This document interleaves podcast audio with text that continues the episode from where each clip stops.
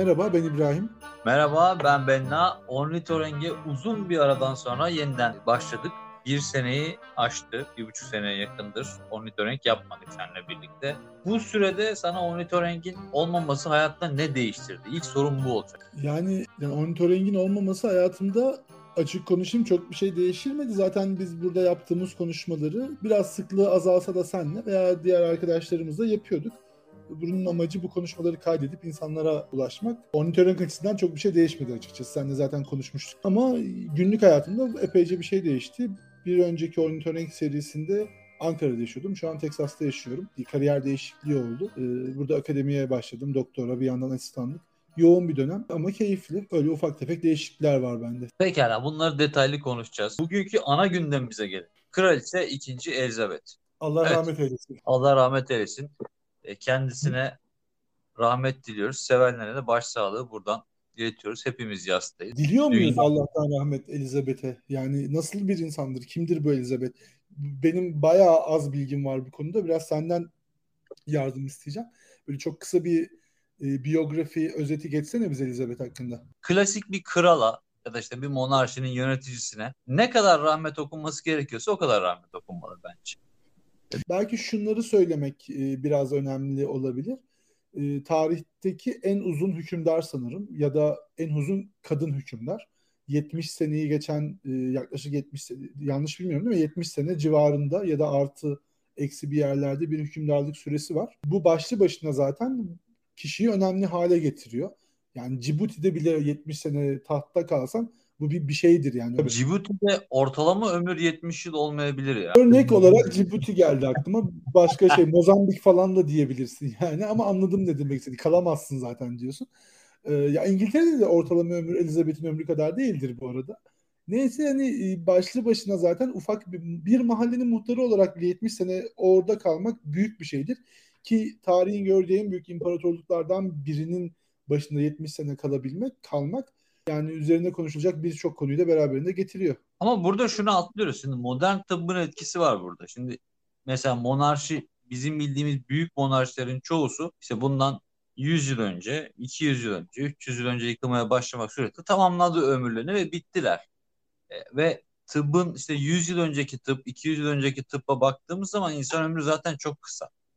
Dolayısıyla 70 yıllık bir hükümdarlığı sürdürmek bir tarafa 70 yıl yaşamak problem. Ve çok fazla savaş var. Yani İkinci Dünya Savaşı'ndan esnasında e, kraliçe. O dönemde kraliçe oluyor.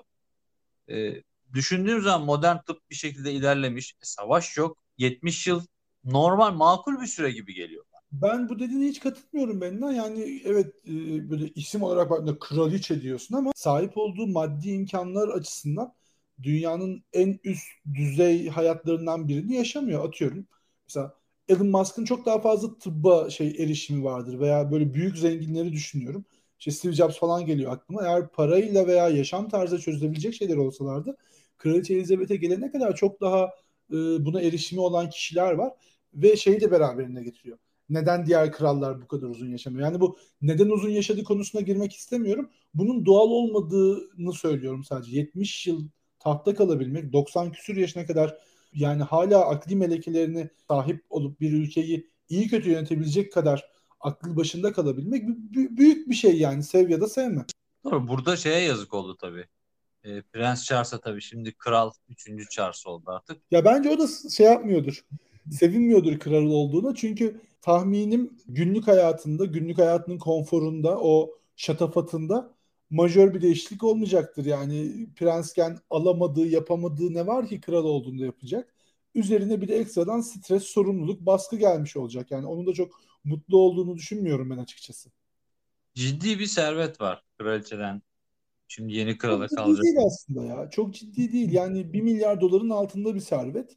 Yine dünya ortalamasına vurduğunda, İngiltere'nin tarihini düşündüğünde yani 1 milyar dolar gibi bir para çok yüksek bir para değil ki bunların çoğu gayrimenkul halinde ve 1700'lerde sanırım geçirdikleri bir yasa gereği bence buraya dikkat etmemiz lazım. Kraliyet ailesi bu mallarını satamıyor. Ya 1700 yılında değil mi? Yani yasanın çıkışı 1700. Evet 1700 yıllarda yanlış hatırlamıyorsam. Bu aralar çok şey Kraliçe Elizabeth öldüğü için böyle bir sürü listeler falan yayınlandı ya benim de çok bilgim yok. Onlardan birazcık okuduklarımı söylemeye çalışıyorum. 1706 ya da 4 olması lazım. O zamanlarda geçirilen bir yasa gereği kraliyet ailesi mallarını satamıyor. Ve toplam her şeyi topladığında da ya 750 idi ya 850 idi ama 1 milyar doların altında olduğuna eminim.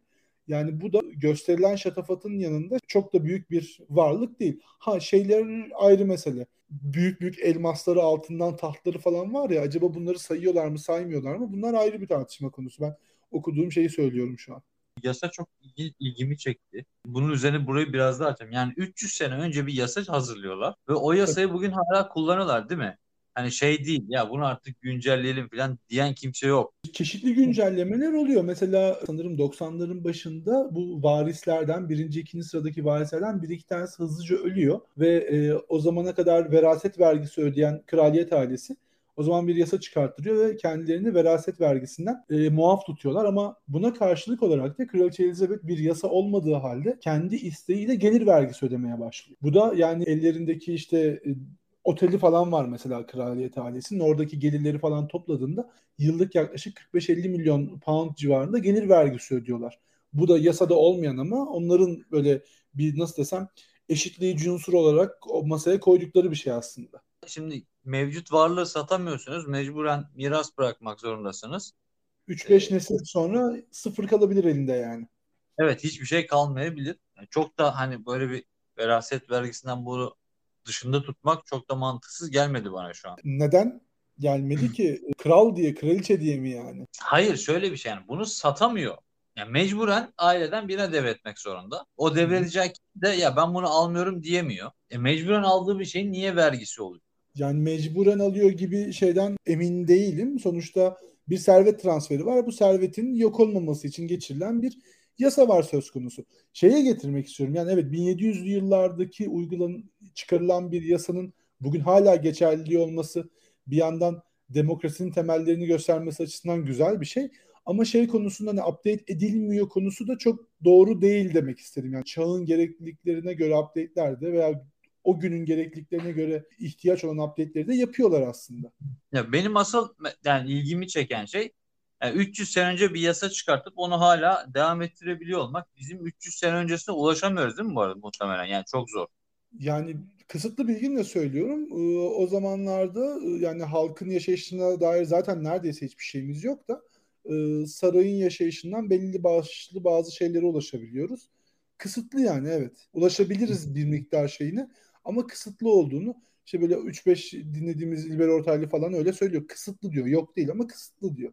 O dönemin büyük monarşileriyle kıyaslandığında ciddi alınmayacak seviyede olduğunu söylüyorlar. Monarşi dedin.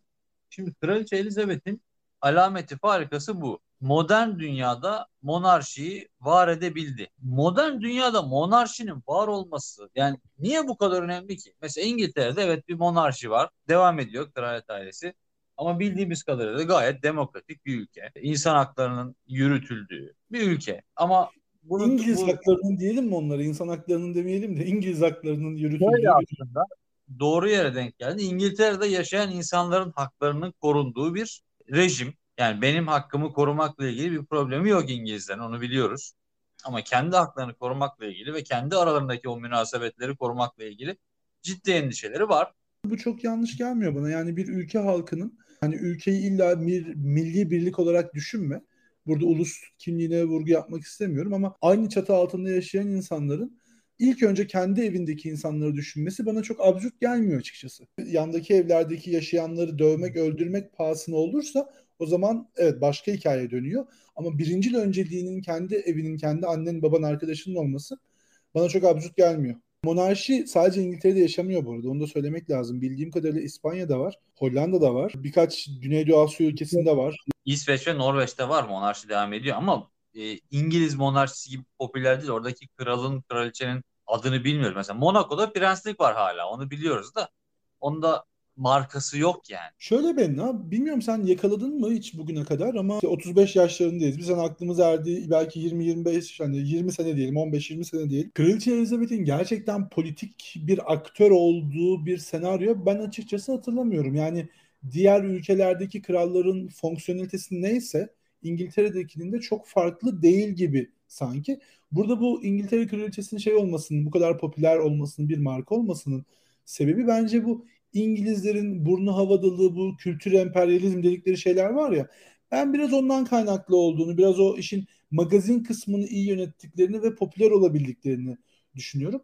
Yoksa pratik anlamda İngiltere'de monarşi yok aslında. Yani bir etkisi yok. Teorik olarak e, başbakana konuşma başbakana rozetini verme gibi tam rozet değil işte anladın sen e, verme gibi şeyleri var ama bir etkisi bir gücü bir fikrinin önemi yok benim gördüğüm kadarıyla sen denk geldin mi aksi bir duruma? Yani görünürde yok. Yani şöyle beyanat olarak veremiyorlar, konuşamıyorlar. E hatta başbakanla ilgili derin bir fikir ayrılıkları oluşuyor. Bu ayrılık bir noktada sonlanıyor. Referandumla ya da başka bir şekilde konu kapanıyor.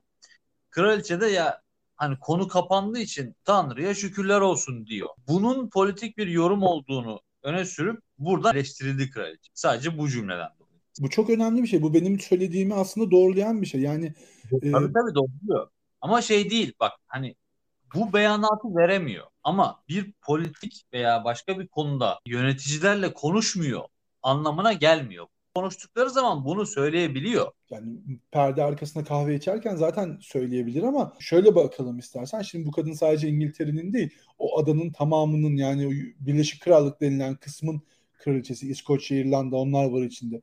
E, Kanada var içinde, Güney Afrika var içinde, Pakistan var içerisinde, Hindistan var içinde, e, Avustralya var. Bütün bunların kralı, kraliçesi aslında. Yani, tabii tabii bütün İngiliz Milletler Topluluğu'nun kraliçesi.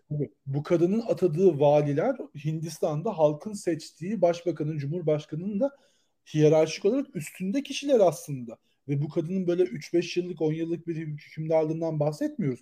70 yılı geçen ve dünyanın yani Soğuk Savaşı olsun, İkinci Dünya Savaşı sonrası Sovyetlerin çöküşü, işte modern şu an yaşadığımız dönem olsun çok farklı dönemlerinden, dünyanın çok farklı dönemlerinde süre gelen bir hükümdarlıktan bahsediyoruz. Eğer bu kadının, kraliçe özelinde konuşmuyorum, herhangi bir insanın en böyle gönlü bol insanın bile eline sen böyle bir gücü bu kadar uzun süre verdiğinde eğer bu güç siyasi bir hakimiyete de yol açan bir gücü içeriyorsa onun mutlakiyete ve tek adamcılığa gitmemesinin imkansız olduğunu düşünüyorum. Şimdi bunu konuşalım. Yani e, bir noktayı düzelteyim. Hani Hindistan'da vali yok. Kanada, Avustralya'da buralarda var da Hindistan'da yok.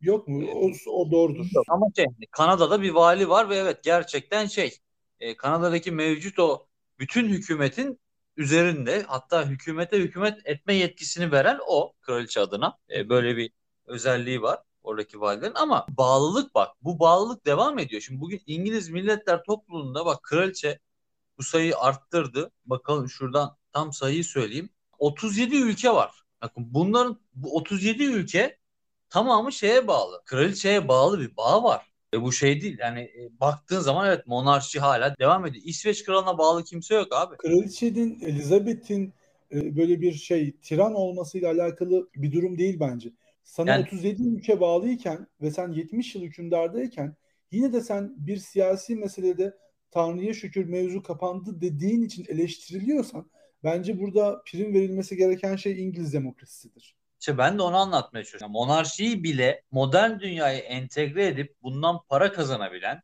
bundan parayı hadi parayı bir kenara bırakalım. Bundan bir değer üretebilen bir sistemden bahsediyoruz. Aslında değerli olan kısım bu. Yani normalde bütün dünyada olduğu gibi e, kraliyet mesela biz ne yaptık? Bizim e, halifeyi, padişahı sürdük memleketten. Gönderdik. Sürdük mü kaçtılar mı? Bunu bence şu an girmeyelim buna. Tartışırız üzerine sonra. Yoklar. Şu an yoklar. Evet. Demek istediğin şey bu. Şu an yoklar. Veya dünyanın pek çok ülkesinde böyle oldu. E, yoklar yani. Tamam mı? Ama burada varlar ve buradan bir değer ürettiler şey o değer üretme kısmına ben şey yapmıyorum. Yani çok katılmıyorum. Ürettikleri değerin çok magazinsel boyutta kaldığını ve temiz şey böyle e, bir nasıl desem nostaljik bir hatıra boyutunda kaldığını düşünüyorum. Gerçekten işlere güçlere yani politik işlere, ekonomik işlere bir etkileri var mı? Ben çok kısıtlı bilgimle olmadığını görüyorum. Eğer varsa şaşıracağım açıkçası. Acımasız bir ülke olsalar da İngiltere'nin yani iyi bir sağlam bir demokrasi geçmişi olduğunu, geleneği olduğunu gösteriyor. Sen 70 yıllık bir hükümdarı bile pabuç bırakmıyorsun. Böyle bir yapı kurmuşsun demek anlamına geliyor. Şimdi çok uzağa bakmaya gerek yok yani çok yakından yaşadığımız bildiğimiz ülkelerde 10-15 yıldan sonra başbakanlar, cumhurbaşkanları ne hale geliyor biliyorsun.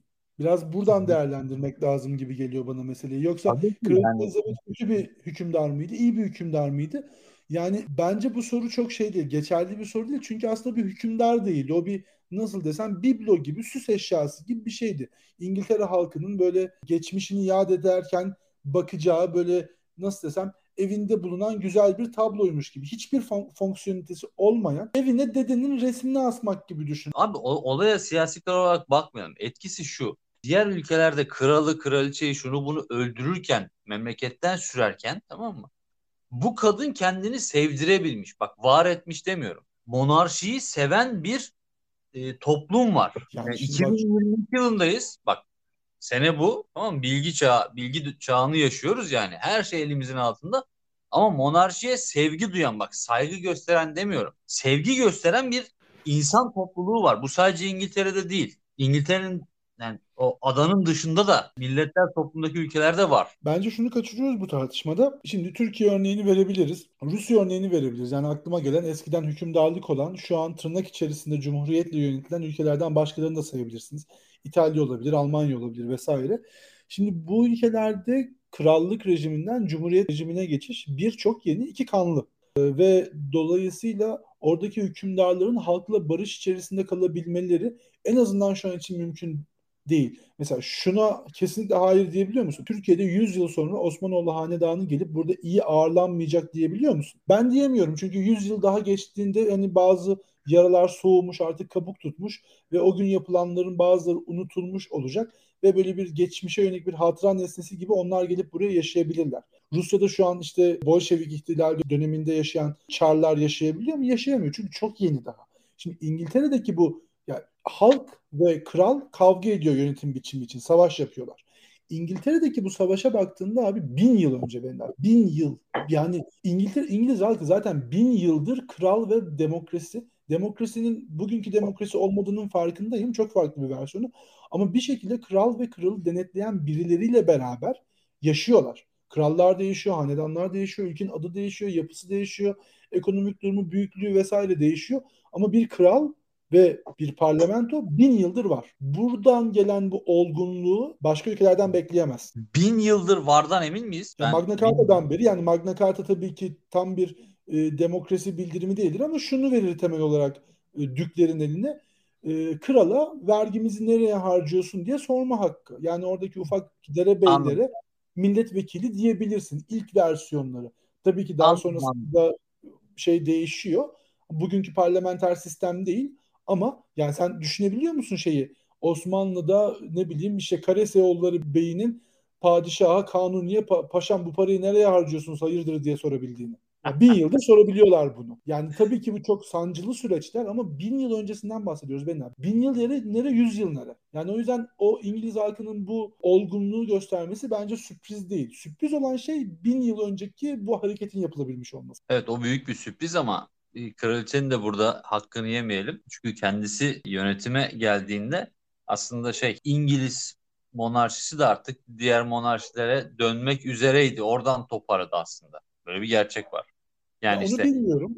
Bilmiyorum şöyle, ama akıllı bir kadın olduğu gerçek. Sivri bir insan değil en azından. Bir şey olur ya. Şimdi bir siyasiye bakarsın çok çiğ olduğu belli olur. Hareketinden, konuşmasından, verdiği demeçten. Bir siyasiye bakarsın fikirleri hoşuna gider gitmez ama dersin ki bu devlet adamı, devlet insanı yani biliyor buradaki şeyi e, nasıl konuşulması, nasıl ifade edilmesi gerektiğini biliyor dersin. Kraliçe Elizabeth evet büyük bir devlet insanıydı gibi. Bunu iyi ya da kötü tarafından söylemiyorum. O devlet yönetme adabını biliyormuş gibi geliyordu bana. Bunun da bir etkisi olmuş olabilir bu e, kraliyeti güçlendirmesinde. Kendini çatışmalardan sürekli uzak bir yere konumlandırarak iki çatışan grubun arasına girip bir tarafı tutarsan sonrasında 5 yıl 10 yıl sonra sen yine taraf olmak zorundasın. Ama o gün hiçbirine taraf olmazsan sen hepsinden tarafsız biraz daha üst bir yerde kalma hakkını eline almış olursun. O gün elde edeceğin çıkardan vazgeçersin. Daha uzun vadeli bir prestij elde etmiş olursun. Bu süreci güzel yönetmiş evet. Doğru. Ya şöyle bir şey var mesela İngiliz milletler toplumuna dahil olan ülke sayısını da arttırıyor. Ve hani şey bu monarşi artık diğer işte İsveç'teki gibi adını bile bilmediğiniz bir krala dönüşmek üzereyken e, bunu bütün dünyanın takip ettiği bir ekonomik bir değer haline getiriyor. Ekonomik olsun, kültürel olsun bir değer haline geliyor. Evet siyasi bir iktidar etkisi yok belki ama değer olarak başarılı bir şekilde kaldı. Bakalım bundan sonrakiler devam ettirebilecek mi bunu? Burası böyle bir konu. Ama bizim için asıl önemli olan senin demin dediğin gibi evet bin yıl önce e, krala birileri ya bu vergiyi ne yaptın diye sorabiliyor olması zaten yani sürpriz buradan geliyor. Çok doğru bir noktaya değindin. Ama kraliçe de şöyle bir şey yapıyor. Modern hayata sürekli entegre ediyor kendi monarşisini. İşte ne bileyim taç giyme törenini televizyonda yayınlıyor gibi. Bunları yaparak aslında hani böyle sevimli tırnak içerisinde kullanıyorum. Bunu böyle bir hale getiriyor monarşiyi. Biz de hepimiz monarşiye saygı duyuyoruz. Yani şöyle kraliçe Elizabeth bütün dünyada sadece İngiltere'de değil gelenekselliğin sembolüdür desek yanlış olur mu? Olmaz gibi geliyor bana. Yani geleneksel dediğinde Kraliçe Elizabeth geliyordu insanların gözünün önüne. Ama Kraliçe Elizabeth'i veya kraliyet ailesini çağ dışı olarak tanımlayabilir misin? Hayır. Bunlar 15. yüzyılda yaşıyor diyebilir misin? Diyemezsin. Yani e, iyi yaptığı şeylerden bir tanesi bence bu dengeyi güzel kurmaktı. E, bunun için rahmet okuyacak halim yok. Yani burada yaptığı yanlışlara, katliamlara, göz yumduğu şeylere falan hiç girmedik. Biz başka bir yerden ele almaya çalıştık konuyu. Sonuçta bir en başta senin dediğin gibi sonuçta bir kraldır. E, bir krala ne kadar saygı duyulması gerekiyorsa o kadar saygı duyulur. Daha fazlası ya da daha azı değil. Ben magazinsel boyutunu işin çok iyi yönettiklerini düşünüyorum. Güzel bir magazinsel başarı var ortada. Diğer konularda da İngiliz halkının, İngiliz kültürünün burnu havadalığının bir etkisi olduğunu düşünüyorum. Öyle. Ya o burnu havadalığı hak ediyorlar bence. E, yaptıkları işi çok iyi yapıyorlar. Bilmiyorum ben öyle düşünüyorum. Mesela kraliçenin cenazesine dünya liderleri gelecek ya. Hangi ülkenin yöneticisinin hangi vasıtayla cenaze törenine geleceğini falan işte uçakla gelebilecek olanlar var, gelemeyecek olanlar var falan böyle. Kendi özel güvenliğini getirebilecek olanlar var, getiremeyecek olanlar var. Buraya kadar düzenliyorlar abi. Bu planlama başarılarını daha başka bir şeyde yayında tartışalım ama ben şunu okumuştum birkaç yıl önce. İn, kraliçe öldüğünde radyodan verilecek anonsa kadar hazırdı. Evet arkadaşlar bu hafta Elizabeth'i konuştuk. Bir buçuk yıl sonra tekrar bizim de Ornitorenk'te monarşiyi an- anmış olduk. E biz Elizabeth üzerinden monarşiyi ya da bir kralı, bir kraliçeye ne kadar saygı duyulması gerektiğini tartışmaya çalıştık. Demokrasinin ne olması gerektiğiyle ilgili kendi fikirlerimizin aktardık. Artık gerisi dinleyenlere kalmış diyorum ben. Senin söyleyeceğin bir şey var mı İbrahim kapatmadan? Herkese iyi haftalar diliyorum. Herkese mutlu salılar arkadaşlar.